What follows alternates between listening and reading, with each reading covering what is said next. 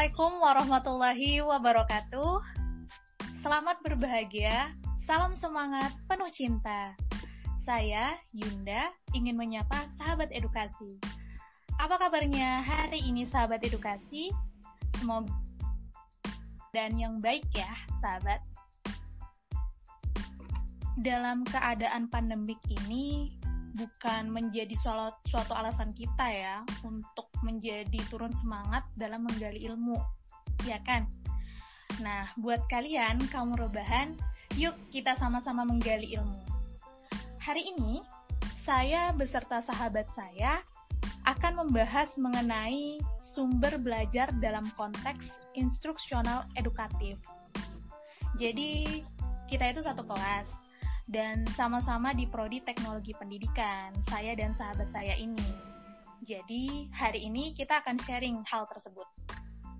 Oke, saya akan memanggil sahabat saya.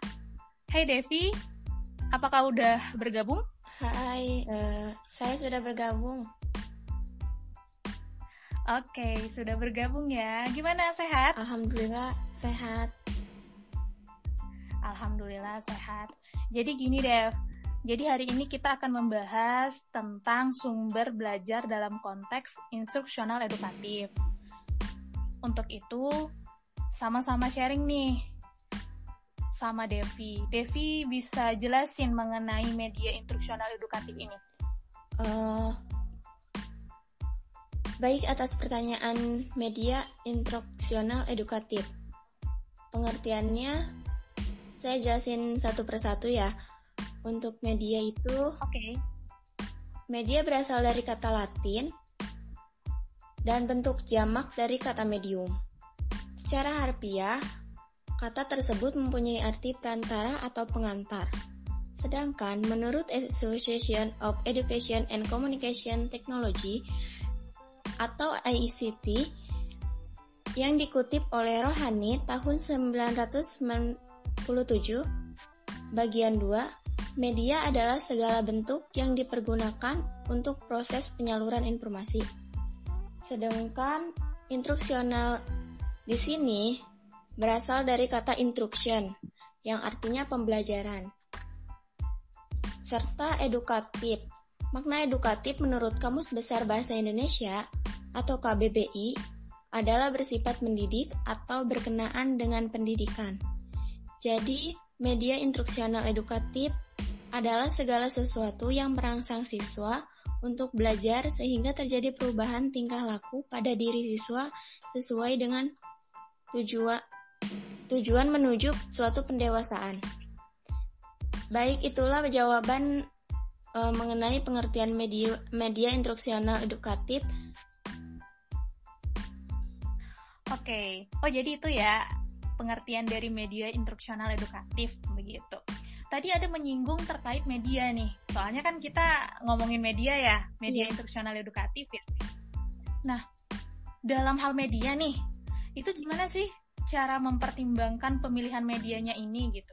E, cara mempertimbangkannya itu ada dua macam alasan. Yang pertama itu alasan teoritis dan yang kedua itu alasan praktis. Jadi alasan teoritis itu alasan pokok pemilihan media dalam pembelajaran karena didasari atas konsep pembelajaran sebagai sebuah sistem yang di dalamnya terdapat suatu totalitas yang terdiri sejumlah komponen yang saling berkaitan untuk mencapai tujuan. Sedangkan alasan praktis berkaitan dengan pertimbangan-pertimbangan dan alasan si pengguna seperti guru, dosen, atau instruktur dalam menggunakan media dalam pembelajaran. Jadi, Dua alasan itu yang dapat kita pertimbangkan dalam pemilihan media. Oh, jadi dua itu ya, alasan teoritis dan alasan praktis gitu. Oke, menarik sekali nih terkait media. Hmm, media itu berarti secara secara umumnya itu karena tadi saya bertanya mengenai mempertimbangkan pemilihan media ya, berarti media itu itu tuh adalah segala bentuk yang digunakan untuk penyaluran informasi begitu ya? Yeah. Oke, lanjut. Saya makin kepo nih. Lalu hmm, media instruksional dalam sebuah pencapaian tujuan pembelajaran itu apa aja yang Devi ketahui? Uh, jadi yang saya ambil di sini uh, media instruksional dalam pencapaian tujuan yang menurut Camp and Dayton tahun 1985. Jadi peranan media instruksional dalam pembelajaran menurut Camp and Dayton yaitu yang pertama pencapaian pesan pembelajaran dapat lebih tersan tersandar. Jadi pencapaiannya itu tidak ke mana-mana gitu, tapi pencapaiannya baik. Terus yang kedua, pembelajaran dapat lebih menarik. Jadi pembelajarannya di situ dapat lebih menarik baik itu bagi siswa maupun bagi guru. Yang ketiga yaitu pembelajaran lebih interaktif dalam menerapkan teori belajar. Dan yang keempat, waktu pelaksanaan pembelajaran dapat diperpendek. Jadi dengan menggunakan media dalam pembelajaran, waktu yang kita gunakan itu bisa jadi lebih efektif dan efisien. Terus yang selanjutnya, yang kelima yaitu kualitas pembelajaran yang ditingkatkan. Jadi penggunaan media itu sebenarnya banyak banget manfaatnya. Salah satunya hasil yang dapat kita peroleh itu se, uh, apa ya hasil yang dapat kita peroleh itu dapat, dapat ditingkatkan, ditingkatkan gitu ya? jadi mm, beda gitu dengan menggunakan media atau tidak. Jadi lebih bagusan dengan menggunakan media. Terus yang keenam, Proses pembelajaran dapat berlangsung kapan pun dan di mana pun jika diperlukan. Jadi, uh, pembelajaran itu tidak terbatas oleh ruang dan waktu. Terus yang selanjutnya yaitu sikap positif siswa terhadap materi pembelajaran serta proses pembelajaran yang dapat ditingkatkan. Dan yang terakhir yaitu peran guru berubah ke arah yang positif. Jadi bagaimana guru itu bisa mengajak siswanya untuk lebih meningkatkan belajarnya dengan menggunakan media itu jadi siswa itu lebih terangsang gitu dalam belajar baik itu jawaban mengenai media instruksional dalam pencapaian tujuan pembelajarnya oke gini gini. Ini seru banget nih. Terkait ini yang terakhir. Peran guru berubah ke arah yang positif. Berarti gini loh uh, ada sebuah kasus kan? Sebuah kasusnya ini uh, gini, saya itu pernah mengalami nih di sekolah saya dulu itu belajar kimia waktu SMA itu cuman ngisi ini doang, ngisi apa sih? Ngisi LKS doang gitu.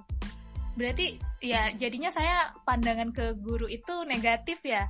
Kayak ih kok gurunya nggak belajar ini sih, maksudnya kok kok nggak ngajarin gitu ya. Cuman ngisi LKS doang gitu, mana kimia lagi kan ya. Berarti dengan media ini itu lebih menarik ya. Mm. Gimana kasusnya dengan guru kimia saya tadi tuh gitu? Uh, jadi gini ya, uh, kan guru itu tidak hanya memberikan tugas, tapi guru juga harus dengan memberikan pengarahan. Jadi bagaimana murid itu bisa gitu dengan prosesnya. Jadi kita misalkan nanti sebagai guru, jadi jangan seolah-olah kita sebagai guru kita bebas mau ngapain aja gitu tapi kita juga kalau mau memberikan tugas berarti kita harus menjelaskan terlebih dahulu apalagi kan terkait pelajaran kimia ya yang tidak bisa ditebak secara asal-asalan jadi kita harus tahu dulu ilmunya baru mungkin kita bisa mengisi soal-soal itu seharusnya guru mempunyai peranan yang lebih lebih ini lebih dekat gitu dengan dengan siswanya supaya guru supaya siswa itu mampu gitu dalam mengerjakan soal-soalnya. Jadi dibimbing dulu sebelum diberikan tugas. Hmm, gitu ya. Terus juga dipilih ya media yang pas untuk belajar kimia itu apa gitu ya. Iya, jadi penggunaan media kan untuk mempermudah siswa dalam belajar ya.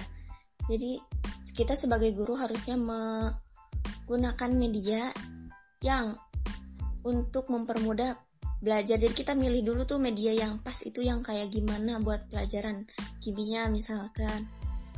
Jadi tidak kita itu tidak seenaknya menggunakan media apa saja. Tentunya penggunaan media juga harus sesuai dengan materi yang akan kita berikan. Oh, oke okay, oke. Okay. Sip, baik. Lanjut nih. Hmm, menurut Devi, ya, cara menganalisa sumber belajar dalam media instruksional edukatif itu gimana? Jadi cara menganalisa sumber belajar dalam media instruksional edukatif. Jadi kita yang pertama itu harus memperhatikan dasar pertimbangan pemilihan media. Dasar pertimbangan pemilihan media itu tadi sudah saya jelaskan, ada alasan teoritis dan alasan praktis. Uh, jadi alasan teoritis kan alasan pokok pemilihan media dalam pembelajaran karena didasari atas konsep pembelajaran sebagai sebuah sistem yang di dalamnya terdapat suatu totalitas yang terdiri atas sejumlah komponen yang saling berkaitan untuk mencapai tujuan.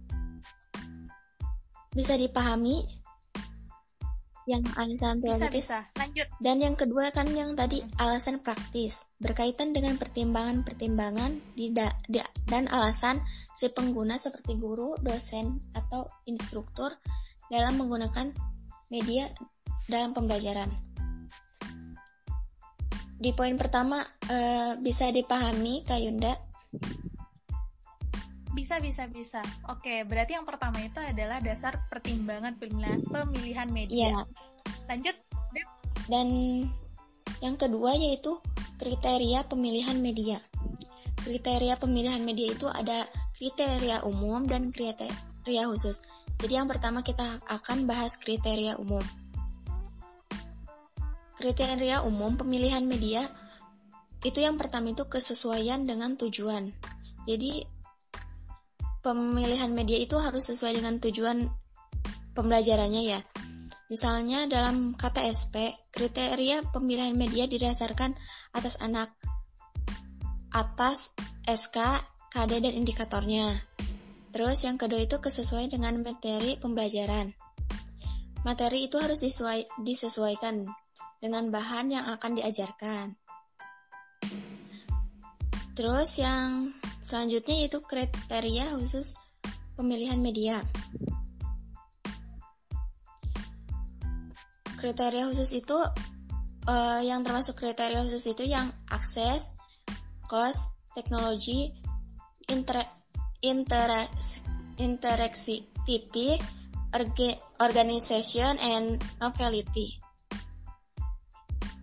Jadi yang kriteria pemilihan media itu didasarkan oleh dua, yaitu kriteria umum dan kriteria khusus yang telah tadi saya sampaikan. Jadi, poin yang ketiga, poin yang kedua udah dimengerti belum? Oke, udah udah. Lanjut. Uh, poin yang ketiga yaitu prosedur pemilihan media. Jadi kita dalam memilih media juga mempunyai prosedur. Yang pertama yaitu yang kita harus perhatikan tujuan belajar. Jadi kita harus memperhatikan dulu tujuan belajar ya, yang akan dicapai oleh siswa itu bagaimana. Jadi nanti disesuaikan dengan materi dan pemilihan medianya. Terus yang kedua yaitu karakteristik sasaran.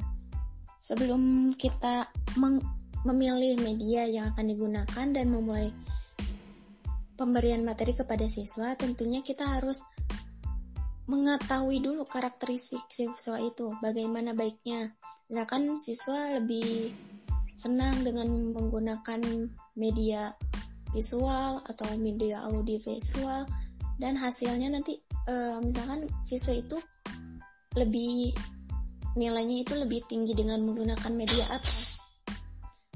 Terus yang ketiga yaitu biaya tentunya dalam menggunakan media visual itu harus menggunakan biaya. Misalkan kita menggunakan media visual audio visual dengan berbasis komputer. Tentunya kita harus menggunakan biaya baik itu menggunakan internet ataupun e, penggunaan listrik gitu kan itu harus menggunakan biaya juga. Jadi kita harus perhatikan juga itu. Terus yang keempat yaitu karakteristik media karakteristik media itu jadi media itu harus sesuai dengan materi yang akan kita sampaikan kepada siswanya jadi tidak seenaknya memilih media dalam pembelajaran. Terus yang ke lima mutu teknis. Jadi ada cara-caranya gitu dengan menggunakan media itu agar pencapaian tujuan belajar siswa itu dapat di ini dapat mudah gitu. Terus yang ke enam kesesuaian di lapangan. Jadi kita sebagai guru nanti harus mengadaptasi atau mengintegrasi antara siswa, media, sama materi yang akan kita jelaskan kepada siswa itu harus mempunyai hubungan yang baik agar pencapaian tujuan pembelajarannya juga dapat diperoleh dengan baik. Terus yang ke tujuh, ketersediaan dan kelayakan. Dan yang keempat yaitu waktu. Jadi dengan menggunakan media tentunya kita harus menggunakan waktu juga. Waktu yang waktu yang digunakan dalam pembelajaran itu sangat berbeda jika kita menggunakan media atau tidak. Biasanya dengan menggunakan media, pembelajaran kita itu menjadi lebih efektif dan efisien. Hmm, Yaitu ya? poin yang ketiga ya, yang prosedur pemilihan media. Oke, lanjut. Dan yang terakhir, yang keempat itu peranan media instruksional dalam pencapaian tujuan pembelajaran. Yang telah kita bahas tadi sebelumnya, yang menurut Camp and Dayton tahun 19 1985, peranan media instruksional dalam pembelajaran yang pertama, penyampaian pesan, pembelajaran dapat lebih tersandar, yang kedua, pembelajaran oh. dapat lebih menarik. Yang ketiga, pembelajaran lebih interaktif. Yang keempat, waktu pelaksanaan pembelajaran dapat diperpendek. Yang kelima, kualitas pembelajaran dapat ditingkatkan. Yang keenam, proses pembelajaran dapat berlangsung kapan pun dan di mana pun. Yang ke selanjutnya yaitu Sikap positif siswa terhadap materi pembelajaran serta proses pembelajaran dapat ditingkatkan dan yang terakhir yaitu peran guru berubah ke arah yang positif. Oke. Okay. Ya, Kak Yunda eh, dari pertanyaan yang tadi yang terakhir itu yang bagaimana cara menganalisa itu jawabannya ya. Oke okay, oke. Okay. Ini beneran menarik menarik banget gitu ya. Menarik banget terkait uh, media instruksional edukatif ini gitu. Jadi di sini itu terkait pembelajarannya itu yaitu ada dua ya bisa membantu guru juga gitu lalu bisa membantu siswa juga gitu ya jadi memang teknologi pendidikan ini ber ke apa berkolaborasi gitu untuk pendidikan itu jauh lebih maju untuk ke depannya gitu ya. Melihat apa nih yang harus harus dilakukan oleh guru untuk siswanya seperti itu. Bagus banget ini menarik banget gitu ya. Memang kalau kita ngomongin pendidikan itu tuh emang nggak bisa lepas dari kehidupan kita memang. Susah banget ngelepasinnya ya. Karena hidup ini selalu yang ada yang namanya pembelajaran gitu ya Dep ya? Iya begitu kak. Oke Dep closing statement dong untuk uh, terakhir terkait media instruksional edukatif. Apa pun itu closing statement apa uh, jadi gini ya. Misalkan kita mau kan kita sekarang kuliah di teknologi pendidikan gitu. Jadi kita uh, walaupun kita tidak nantinya tidak menjadi guru tapi kita harus tahu bagaimana kita itu menggunakan media dalam pembelajarannya. Kita kan sebagai calon ibu dari anak-anak ya. Jadi kita walaupun di rumah kita harus tahu gitu gimana menggunakan media dalam pembelajaran anak-anak kita nanti. Jadi begitu uh, menurut saya sih oke okay, oke okay, Devi terima kasih ya Devi jadi memang seperti ada sebuah lagu guru bak pelita penerang dalam gulita seperti itu ya sangat hmm. menarik sekali pembahasan kita pada hari ini Oke Devi, terima kasih Devi ya sudah oh, berbagi ilmu mengenai sumber uh, uh, mengenai sumber belajar media instruksional edukatif. Oke, selamat berjumpa di lain waktu, sahabat edukasi. Semoga sahabat edukasi bisa mengambil manfaat dari pemaparan sahabat saya tadi. Oke, saya Yunda dan sahabat saya Devi undur diri. Wassalamualaikum warahmatullahi wabarakatuh.